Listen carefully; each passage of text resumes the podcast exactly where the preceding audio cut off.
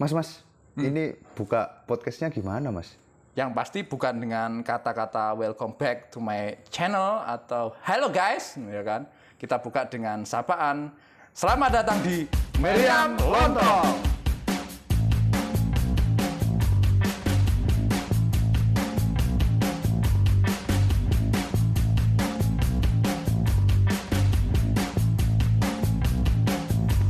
Halo, apa kabarnya jamaah Arsenaliah yang ada di seluruh dunia? Kembali lagi nih bersama saya Rizal Adi Pratama dan Saya Yoni Prawardayana. Nah, saya sama Mas Yoni ini eh, selama puasa kita nggak pernah ketemu Mas ya, 30 hari ini. Ini podcast pertama kita ini di bulan Ramadan dan hari terakhir. Ya, hari terakhir. Jadi ketika ini direkam, ini di Hamin 1 sebelum besok eh, Lebaran. Ya, Lebaran versi Muhammadiyah. Iya, iya, Mas. Gimana? Hari ini Eh, kita mau bahas itu Mas ya. Kemarin kemarin kita artinya luput nggak luput sih Mas kita nggak per- nggak membahas eh, lima pertandingan terakhir Arsenal yang sangat-sangat roller coaster Mas ya. Kok bisa Arsenal bagi-bagi poin ke tim-tim gurem tapi bisa menang lawan Chelsea dan MU gitu loh. Iya, iya, iya.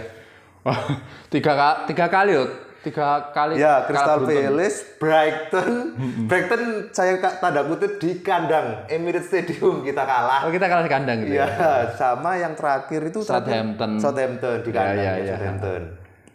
Nah, eh, tapi setelah tiga kali kalah itu mas, eh, sebenarnya aku itu sempat berpikir kayaknya aku udah selesai dengan Arteta. Wow. ada, ada. Ada ada kepikiran, aduh, kayaknya Arteta udah selesai deh ini tiga Hmm. pertandingan lawan tim-tim gurem. Kalau Crystal Palace mungkin itu sih mas dampak dari Patrice Vieira sebagai pelatih mas yo. Ternyata dia sangat apa mungkin sebagai legend dia men- menganalisa Arsenal lebih lebih jeli. Jadi tak lihat itu striker-strikernya Crystal Palace itu sangat efektif.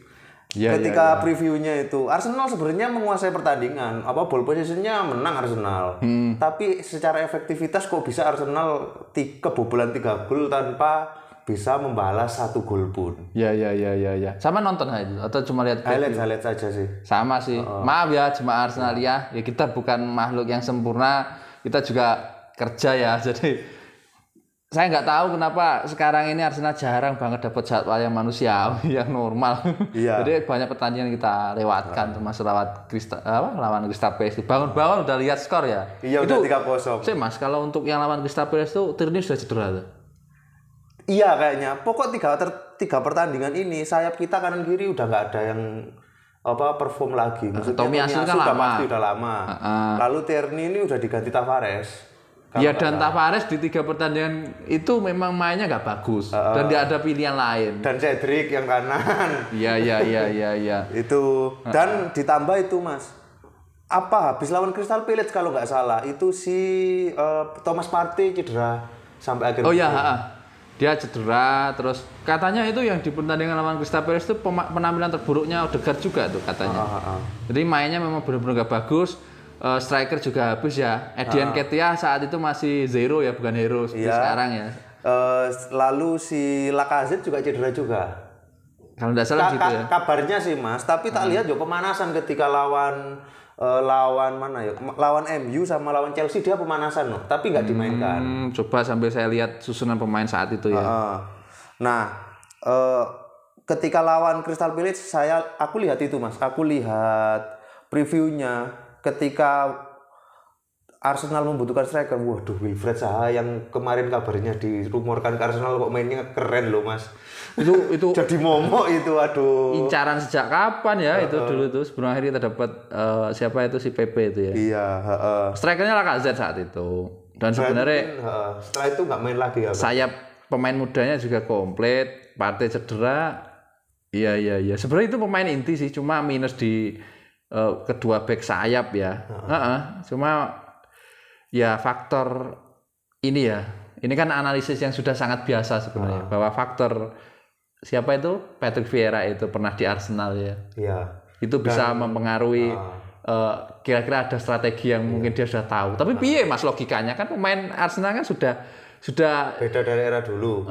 Lebih gini toh Mas, ketika Patrick Vieira sebelum masuk menjadi pelatih Crystal Palace, dia kan sering itu Mas, ikut perundingan di dalam internalnya Arsenal. wah iki. Ya itu. Nah, ini. Dia kan istilahnya sebelum menjadi pelatih kan is- istilahnya pandit Mas, pandit dari legend. Misalnya MU kan Scholes, lalu Oh kayak kita ya, kayak eh, striker sering-sering mengomentari tim timnya itu. Striker striker Arsenal itu siapa namanya tuh yang sepuh? Yang sepuh. Oh, oh. Yang mana sih Mas? Aduh, striker Arsenal yang yang sering main konten itu loh. Siapa? Yang sudah jadi legend yang tahun 90-an, yang mewawancarai yang mewawancarai Aubameyang waktu Ian Bright. Iya Ian Wright, oh. Heeh. jangan bikin malu di konten kita. Ya gimana mas striker yang sudah terkenal malah makan lahan kita Heeh. Kayaknya di dunia ini banyak kayak gitu ya. Patrice Vieira sebelum melatih Crystal Palace dia sering mengomentari performa Arsenal. Artinya dia ju, ju- apa mengikuti mas perkembangan eh, Meriam Lon- Lon- London. Saya hampir menyebut Meriam Lontong. Meriam London jadi eh, istilahnya luar dalam Patrice Vieira mengenal Arsenal secara penuh mas Wah, jadi ini kayaknya untuk musim depan kita harus tetap deg-degan kalau lawan Palace. Oh, di kandang aja kita imbang dua-dua. Eh, ditambah kan Wilfred Zaha katanya gak dilepas waduh itu Wilfred Zaha itu Kemahalan. iya kemahalan heeh. Jadi kayaknya sih apa ya? Unik sih Zaha ini. Dia kayaknya melewatkan kesempatan bermain di tim besar sih kayaknya. Karena meskipun klubnya- meskipun dia mau mas dia kan katanya dikabarkan itu toh sempet ngambek kan sama Crystal Palace karena nggak di ACC ketika diincar Arsenal. Karena kan tujuannya juga pasti semua pemain pingin lah main di Liga Champion mas ya. Heeh, nah kita lanjut mas ke Brighton. Ya, lawan Brighton. Aku, uh, uh, tiga Ini- pertandingan ini kita nggak bisa kasih uh, statistik sing itu mas ya, yang teliti atau detail karena kita yo nggak begitu nonton mas ya yang tiga. Oh. Yang Brighton aku nonton sampai gol pertama, gol itu aku tidur. Ini aku nonton karena ini kalau nggak salah ini jamnya masih bersahabat. Ini jam berapa atau kemarin waktu tayangnya? Di sini nggak ada jamnya sih. Iya. Cuma intinya aku nonton. Kebetulan saya ini kan di masjid ini kan ada TV LED itu kami langganan mola gitu loh. Le, itu saya registernya saat pertandingan Arsenal Brighton itu itu loh. Saya langganan mola 60.000 ribu ya belum termasuk pajak itu entah pajaknya itu disetor ke mana. Nah itu terus langsung lihat itu. Mainnya sih bagus di babak kedua ya. Cuma Tidak mampu itu mas yo menjawab kebuntuan mas ya. artinya banyak peluang yang terlewat. Tapi memang kipernya bagus sana itu. Sanchez tuh bagus. Ya kan. Aku jadi ingat ini. Oh iya itu kipernya KPR ya. Yang dari Oman tuh. Hampir mirip badannya. Eh, ternyata ini beda lagi. Kemarin ini aku lihat ya, yang lawan Brighton itu eh sayapnya Lokonga nggak apa Tavares nggak main, mungkin buntut main jelek saat Crystal Palace itu jadi si Saka ditarik mundur jadi sayap ya. Ya. Terus ada Lokonga di gelandang bertahan, Odegaard di gelandang bertahan ya. Suarez juga, aduh gimana mengoment pemain ini Suarez Belum ini konsisten ya, belum Suarez ini dia dimainkan karena tidak ada pilihan lain mas ya. Kok kok dilala kok dia gak cedera gitu loh. guyon-guyonannya kan eh, Liverpool bisa dapat Van Dijk, kita dapat Suarez dari Southampton. Repot ya. Iya, nah ya itu. Ini aku masih ingat golnya golnya Saka itu bah apa Odegaard itu bagus, cuma sudah sangat telat ya. Dan Iya. Gol oh, ada ada Welbeck juga ini sebenarnya kan. Heeh. Di akhir laga Welbeck salaman sama siapa? Sama Odegaard nggak salah. Mantan striker andalan kita itu. Iya. Nah, ini kita kita sebenarnya kalahnya kalah ya tetap kalah ya. Iya kalah. Yes. Gak ada kalah memalukan atau kalah terhormat ya kalah mas kita kehilangan tiga poin. Habis itu kita la- kalah lagi lawan Southampton. Southampton di kandang Southampton. Eh lawan Southampton ketika kita sudah dua kali kalah berturut-turut, harapanku si Arsenal itu minimal itu mas, dapat hasil imbang lah. Karena saya aku cukup tahu tahu diri karena ya Arsenal dengan kondisi sekarang dan main di kandang Southampton kan bukan perkara mudah mas. Meskipun Southampton pun sekarang performanya tidak seperti dulu mas ya, yang eranya pemainnya wonderkid wonderkid Oh, dulu tuh kapan terlalu lah ya dulu waktu itu lo mas masih jadi akademinya Liverpool Oh iya.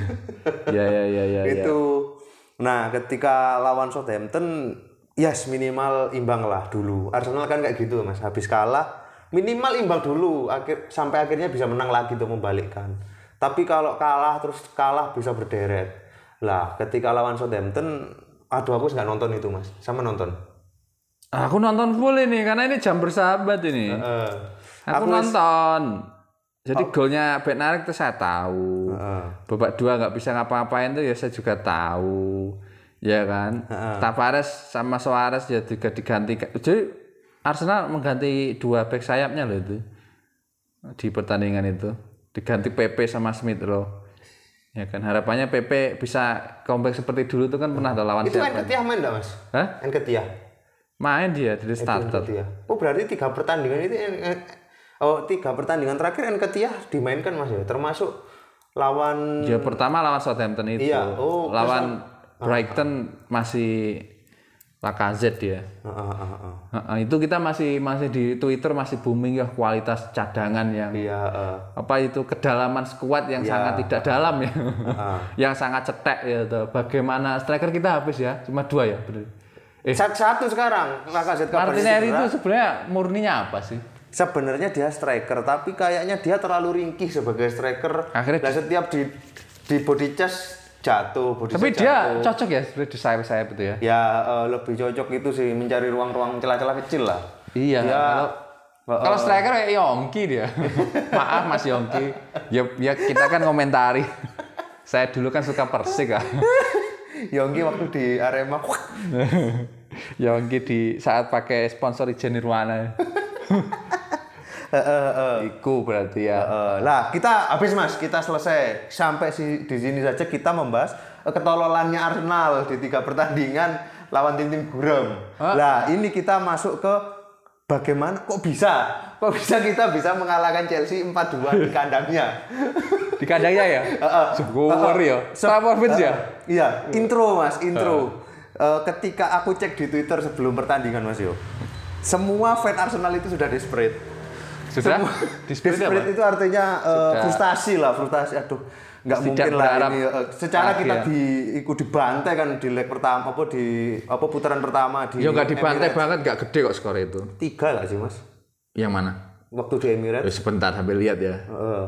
Nah itu lah aku lihat eh, di line-line Twitter itu mereka berharap ya semoga Edien Ketiah kerasukan Drogba kan itu sebuah doa yang apa ya Mas yo setengah setengah tidak mungkin lah kita melihat Edien Ketiah lawan tim-tim seperti Southampton atau tim-tim apa Gurem ya tidak bisa banyak bicara atau Mas Nketiah Wah, wah, wah, ini sampean lupa. Ini kan bulan Ramadan, Mas.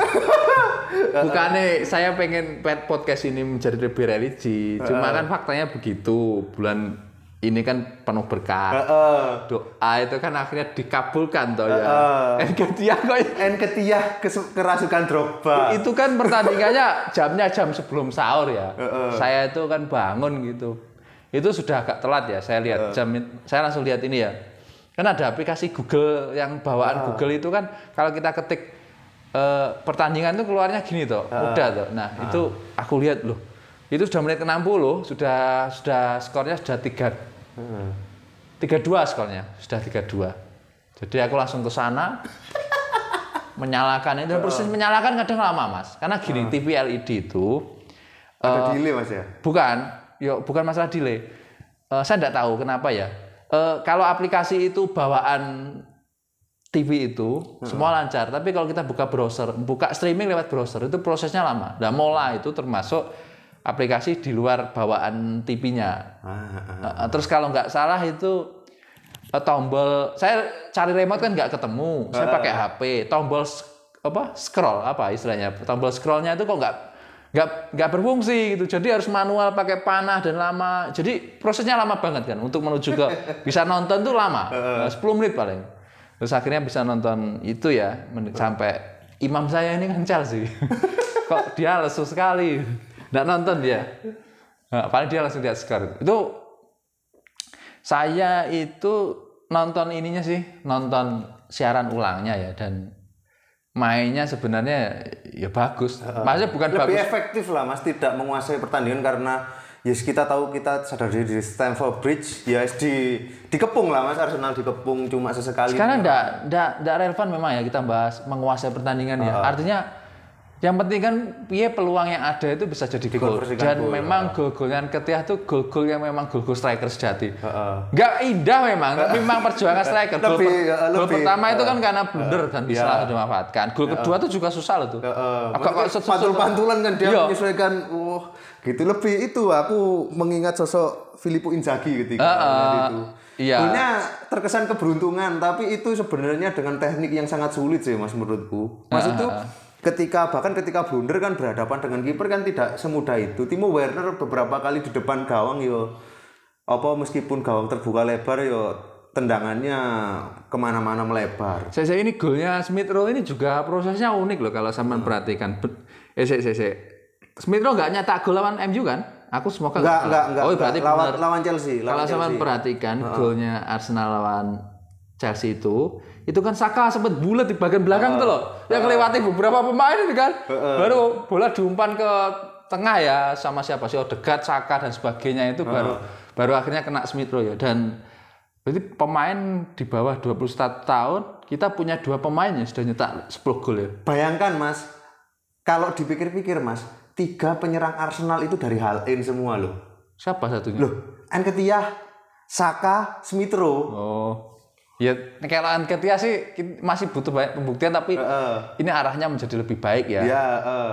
Karena aku masih ingat twitternya ini si Arsenal Kitchen sebelum pertandingan ya. ya, gimana mas? Dia anu bully, bukan bully ya. Dia ngomentari statementnya si Nketiah yang minta menit bermain gitu loh. Ya, kalau nggak dikasih saya mau minggat gitu. Kok pemain manja banget gitu. Heeh. setelah di, apa buru apa setelah dikasih kesempatan nggak dimanfaatkan tapi ternyata apa yang disampaikan oleh Arsenal Kitchen itu ya Tidak sepenuhnya benar mas ya. tidak sepenuhnya terbukti ya. Ya semoga kita berharap bisa konsisten ya. Heeh. Kita butuh striker memang, sangat butuh striker dan Apalagi kita itu mas nggak cuma liga kan, ada Liga Champion setelah ini. ya kita optimis kita bisa lah ke champion ya.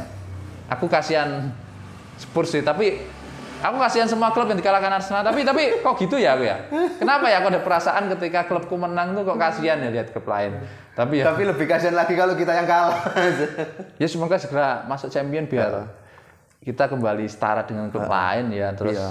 bisa dapat pemasukan lebih terus kapan lagi bisa segera megang wah gitu paling jadi konten besar itu di Instagramnya itu kalau kita lolos champion itu kita untuk buru peringkat ketiga sih sebenarnya kalau Chelsea kalah terus ya masih bisa. Masih bisa.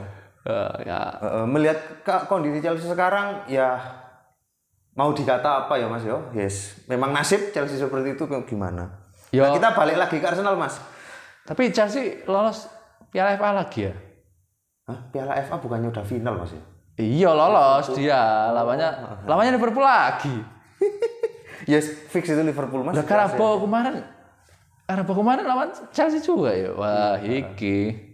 Dan sementara Liverpool City juga kejar-kejaran ya. Heeh. Ya dunia kita apa yang booming di Twitter saya kita berhasil ya sebagai tim don- donor darah.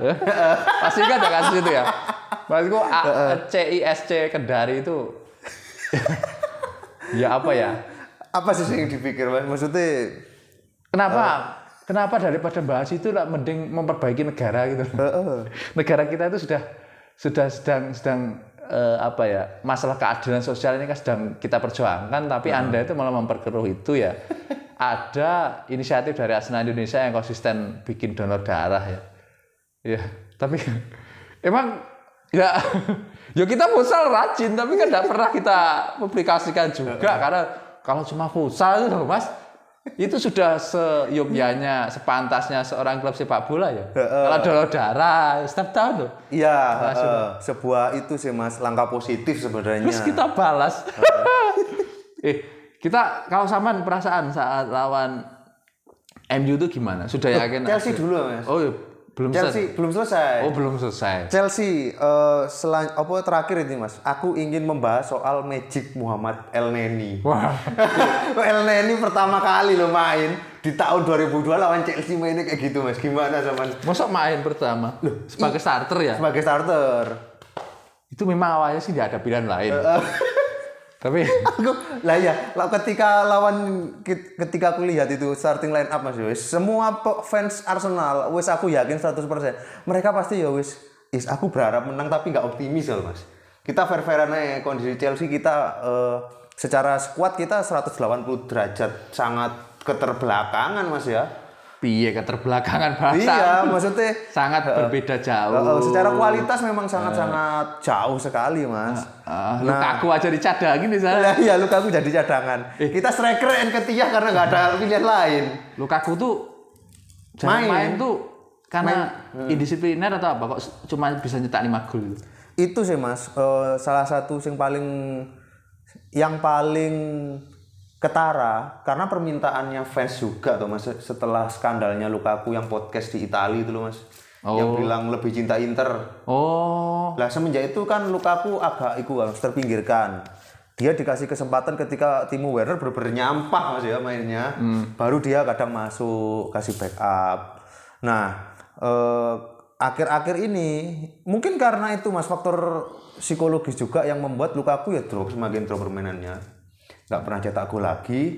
Ditambah mungkin Lukaku memang secara kualitas sudah nggak cocok di Liga Inggris soalnya dua kali loh Mas di MU juga Lukaku Mm, Mainnya nggak bagus. Heeh. Ya, memang dia di Everton. Serie A, heeh. balik aja ya. Tapi kok semua orang kan pengen karir itu menanjak ya. Ini seperti kayak roller coaster memang. Mainnya naik turun naik turun. Sanchez piye sekarang di mana tuh aku sampai lupa. Sanchez ikut tadi pemain apa ya Mas yo di Inter. Jadi apa? Apa pemain sub sub anu tuh, super sub tuh. Sanchez ya wis lah. Eh, sudah habis lah Sanchez. El Neni El kayak Jepen ya, Ramadan. Iya, Kita ngerasani partai-partai Ramadannya kayak nggak seindah yang kita Eh, kita bayangkan ternyata Ramadannya di rumah sakit terapi ya. Heeh. Assalamualaikum brother. Are you okay? Muhammad El Neni, aku iku Mas melihat Muhammad El Neni intercept sing sangat meningkat drastis Mas yo. Iya tapi Dia mampu motong-motong iku kan apa umpan-umpan terobosan eh Jorginho dan lain-lainnya. Oh iya Jorginho main ya sampai Main, lupa aku. Jorginho gelandang terbaik katanya. Elna ini tapi ya apa ya?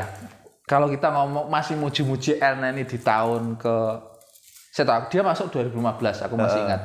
16 17 18 19 20 ini sudah di tahun ke-7 loh Mas. Kita muji Elna ini kita eh memang sudah gak ada kesempatan. Itu kita kayak beruntung aja itu. Aku gak yakin dia diperpanjang. Jarang sih tapi tapi gini Mas, si El Neni mengatakan kan dia nggak pengen keluar dari Arsenal. Dia mau menerima berapapun loh. ada- tapi dia jadi sampah kan ya nyisane kini juga toh. Heeh. Tapi sebenarnya apa ya alasan mendasar pemain itu gak bisa bermain bagus itu kenapa tuh? Pertama mungkin adaptasi mas. Katakanlah Saman pernah ingat nggak kita punya pemain eh, pemain Argentina yang dari Italia loh mas. Aduh gelandang bertahan. Duh, sampean bikin kita bingung kan? Aduh, yang sekarang dipinjamkan ke tim Italia itu loh mas. Ah, siapa sih mas? Kita nggak punya pemain dari Argentina. Yang Argentina itu cuma Martinez. Saya masalah negara itu. Aduh, Yang ke Argent Pablo Mari. bukan, bukan. Dia memang ke Itali. Argentina apa? Oh, Torreira, Uruguay. ya, Torreira. Uruguay tak? Oh, Uruguay. Wah, ya kan sama salahnya eh, negara. Torreira kan permasalahannya adaptasi. Dia gelandang terbaik Serie A kan saat. Iya, heeh. Awal-awal di Arsenal bagus. Loh, itu kan untuk kasus ini ya. Heeh. kasus pemain yang baru. Nah, kalau sudah seperti El Neni ini apa ya sampai bertahun-tahun ini kok enggak enggak bisa dia jadi inti begitu loh. Dia itu berarti gimana? Pemain lawan itu lebih bagus gitu tuh. Sehingga penampilan bagus dia redup gitu atau gimana ya? Lebih ke gini sih mas, yes. Seperti kasus ketika lawan Chelsea dan MU mas yo. Eh, si El Neni ini katakanlah dikatakan jelek ya nggak terlalu jelek. Dikatakan bagus ya nggak terlalu bagus. Ada momen dia memang sering sering mainnya jelek tapi sebuah miracle. Nah ini sebuah keajaiban. Kadang dia muncul karena itu mungkin eh, eh, manajemen Arsenal mempertahankan El Neni karena mereka masih percaya mungkin ini pemain masih bisa bermain bagus. Heeh, mas gimana? Nah, tapi itu eh, mungkin cuma menyelesaikan sisa kontrak sih. Arsenal kayaknya Tapi kalau dia sebenarnya pemain seperti dia itu untuk sekedar cadangan masih lumayan sih. Heeh. Minimal kan tim nasional lah. Tim nasional berarti kan orang terpilih ya. iya heeh. Satu tim sama salah. salah. Nah, itu harusnya belajar sih Mas, belajar disiplin. Heeh. Disiplin aja nggak cukup sih. Dia harus belajar bermain yang bagus gitu loh. Heeh. Oke, gimana masih ada lagi nggak Mas soal Chelsea? Untuk soal Chelsea saya rasa nggak ada tapi Heeh. intinya Kita heeh, gimana? ini padahal Chelsea itu dapat kesempatan jersinya ada perisai emas loh ya Iya. tapi mainnya nggak bagus menjadi kena perisai emas tuh.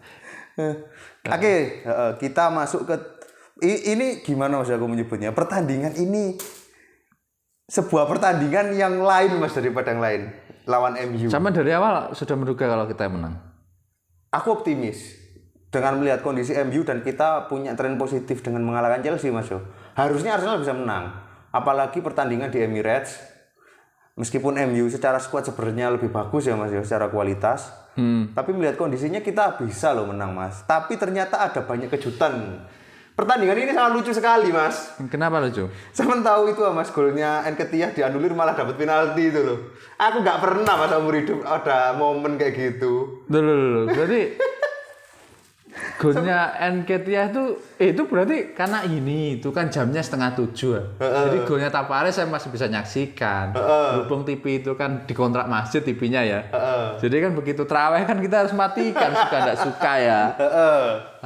Jadi gini Mas, gimana saya itu ceritakan. Ini sebuah momen, waduh seumur hidup aku sebagai fans sepak bola nggak pernah aku lihat kayak gini. Apalagi setelah VAR Mas yo, ketika VAR. Gini. Gol kedua aku lupa menit berapa Mas. Babak pertama Bu, kalau nggak salah. Babak pertama itu eh si Saka, Bukayo Saka, dia melakukan intercept dari kanan masuk ke kotak penalti Mm-mm. dia dapat umpan apa jenenge dari Odegaard kalau nggak salah. Ketika dia di depan gawang, lah dia ditempel sama aduh siapa tuh apa Lindelof kalau nggak salah. Lah itu dia umpankan, tapi waktu itu dalam posisi terjatuh sama ke Nketiah. Ditendang lah, jebles masuk, sudah selebrasi dan lain-lainnya. Lah, si pemain MU minta cek VAR. Cek VAR, cek VAR, cek VAR.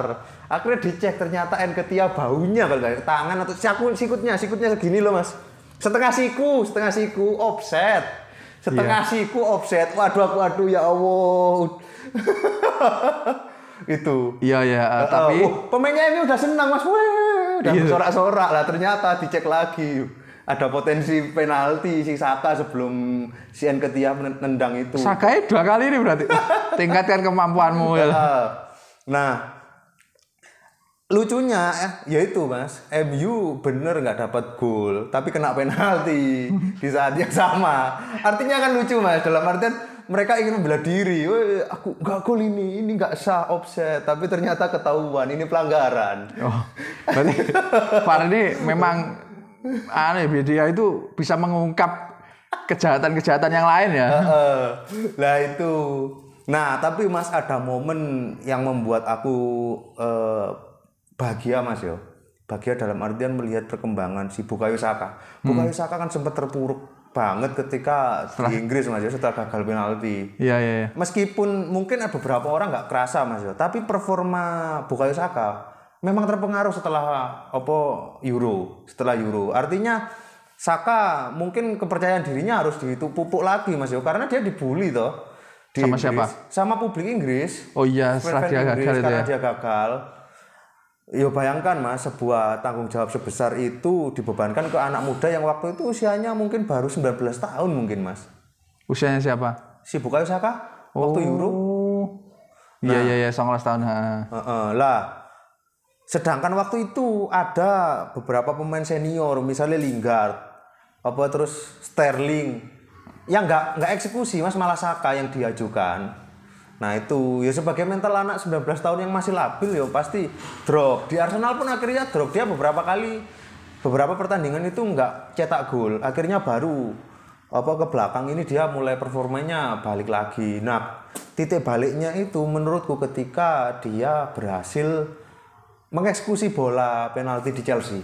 Wah itu menurutku itu momen yang mengharukan sih mas. Maksudnya bahkan mas, fun fact-nya tendangannya Saka itu sama persis ketika Euro mas. Jadi arahnya itu sama ke kanan. Oh berarti udah lama nggak? Eh, Kita kan jarang dapat penalti ya. Heeh. Kalau dapat penalti yang eksekusi siapa? Lacazette ya. Lacazette. Nah Iya. kemarin itu pun masih Saka. digoda itu sama si backnya MU sampai di apa? Heeh, Eh, bolanya di Iya kan. Itu di- tapi lawan MU ya. Heeh. Tapi sebenarnya oh lawan Chelsea itu dia ya. Ya dia juga. Dia yang jatuh kan dia yang ngambil. Mungkin itu sih mas. Eh, ada sebenarnya eh, yang lebih senior, misalnya Granit Xhaka. Granit Xhaka secara syuting kan lebih bagus dong mas.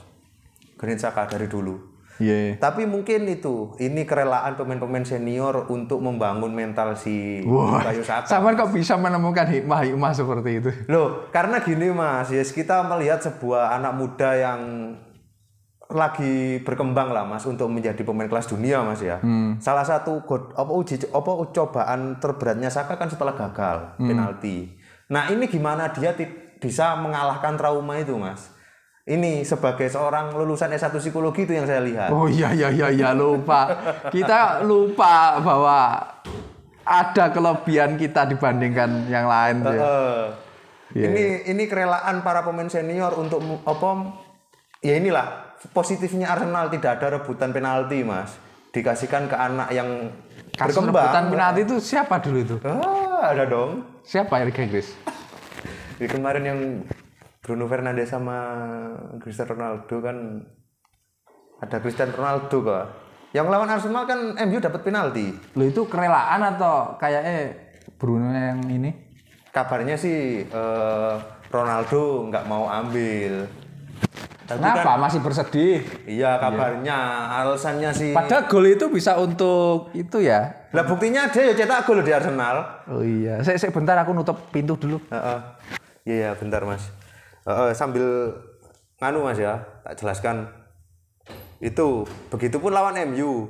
Saka kembali berhasil cetak gol. Artinya mental pemain yang sekarang usianya 20 tahun ini sudah kembali mas ya. Menurutku Ya.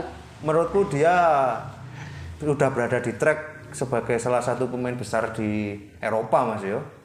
Menurutku ini Arsenal tinggal gimana pinter-pinternya Arsenal ini menjaga asetnya biar nggak cedera, biar apa nggak pindah ke tim lain soalnya rugi banget. Liverpool sekarang sangat benar-benar mengincar Saka. Wah. Seandainya Saka lepas, Waduh ngeri. tolol Arsenal, tolol, tolol. Ini iya iya iya. Satu lagi sih supaya Saka nanti bisa betah di Arsenal. Ya Arsenalnya harus berprestasi. Heeh. Ya godaan terbesar kan bisa champion lah. ya, heeh. Iya. Meskipun sebenarnya tidak ada aturan yang tertulis bahwa pemain hebat dikatakan jika bermain di Champions sebenarnya tidak ada ya. heeh. Tapi ya Tapi ya tetap prestis lah mas. Heeh. kayak bisa sih. Tapi memang kayak terut apa percaya Atleta itu masih ya lama itu prosesnya. Karena kita masih bermasalah di striker. Iya. Tapi Nggak hanya striker sih. Apa aja mas berarti masalah kita? back kita butuh pelapis, terutama yang sayap. Iya terus. Cedric ya Allah. Gelandang bertahan kan Saka kayaknya tahun depan mau. Gak Granit Xhaka. Iya katanya Harusnya sih menurutku dipertahankan Mas Yo. harusnya iya sih harusnya jadi legend juga dia. Heeh, di Arsenal.